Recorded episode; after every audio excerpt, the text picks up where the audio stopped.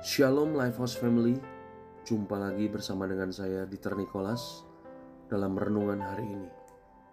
Kita akan langsung buka Alkitab kita dalam bilangan 20 ayat yang ke-12. Apa kata firman Tuhan buat kita? Tetapi Tuhan berfirman kepada Musa dan Harun, karena kamu tidak percaya kepadaku dan tidak menghormati kekudusanku di depan mata orang Israel, itulah sebabnya kamu tidak akan membawa jemaah ini masuk ke negeri yang akan kuberikan kepada mereka. Bapak Ibu Saudaraku terkasih dalam Tuhan Lifehouse Family, pencinta olahraga golf tidak ada yang tidak mengenal Tiger Woods. Bisa dikatakan Tiger Woods adalah legenda dalam dunia golf. Pencapaiannya juga luar biasa sebab dia telah banyak mengkoleksi berbagai trofi Piala Dunia. Dan bukan hanya itu, Tiger Woods juga sempat menyandang gelar atlet termahal dunia. Bayaran Tiger Woods juga amat tinggi karena prestasinya memang luar biasa.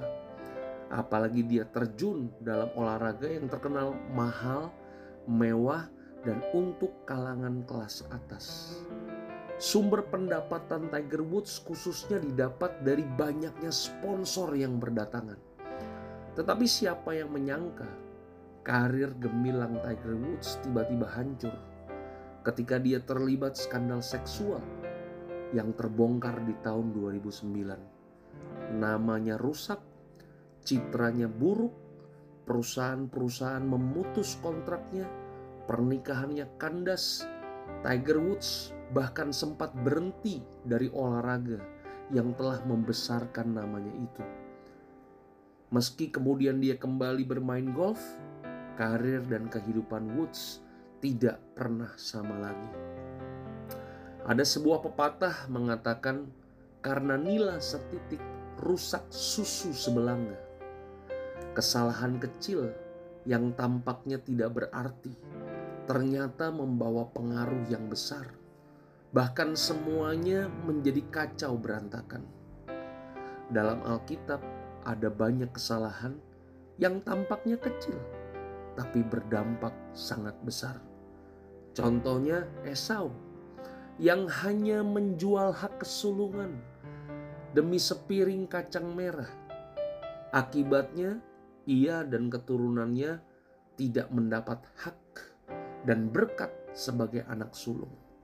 Demikian juga Musa yang hanya memukulkan tongkat dengan marah. Tapi akibatnya ia tidak diizinkan masuk ke Kanaan. Daud yang hanya melihat Bathsheba sedang mandi dan akhirnya berzina. Akibatnya kekacauan mulai terjadi dalam keluarganya. Lifehouse Family hari ini kita belajar jangan meremehkan dosa-dosa kecil. Sebab itu memberi dampak yang sangat besar dalam kehidupan kita. Seperti halnya perahu besar bisa tenggelam gara-gara bocor kecil. Demikian juga kehidupan yang indah bisa hancur gara-gara dosa yang dianggap remeh dan sepele. Oleh sebab itu hari ini berhati-hatilah dan berjaga-jagalah. Putuskan untuk tidak meremehkan dosa-dosa kecil atau bahkan kompromi dengan semua dosa kecil itu. Begitu kita akrab dengan dosa-dosa kecil, itulah awal terjadinya dosa-dosa yang lebih besar dan akibat akan lebih menyakitkan pada akhirnya. Manusia hari-hari ini memang suka hidup mengkelompokkan ada dosa dalam skala besar dan skala kecil. Dosa besar itu seperti membunuh, berzina, merampok. Dan dosa kecil itu seperti berbohong, mengingini milik sesama dalam hati, ngomong kotor, dan lain sebagainya. Pertanyaannya hari ini adalah, benarkah dosa kecil itu akan diabaikan Tuhan? Roma 3 ayat 23 sampai 24. Firman Tuhan katakan begini karena semua orang telah berbuat dosa dan telah kehilangan kemuliaan Allah. Dan oleh karena kasih karunia, telah dibenarkan dengan cuma-cuma karena penembusan dalam Kristus Yesus. Ayat ini mengatakan bahwa semua orang telah berbuat dosa dan telah kehilangan kemuliaan Allah. Ini berarti semua dosa adalah sama di hadapan Tuhan. Orang Kristen memang percaya bahwa Tuhan adalah Maha Suci, dan karena itu dia membenci semua bentuk dosa. Tetapi Tuhan juga Maha Pengampun dan Maha Kasih. Siapa yang percaya kepada Kristus akan mendapatkan pengampunan. Tetapi sekali lagi Lifehouse Family, yang namanya dosa tetaplah dosa. Dosa is dosa. Kebenarannya adalah tidak ada dosa besar maupun dosa kecil. Setitik noda pada pakaian itu juga sudah membuat pakaian tersebut terlihat kotor.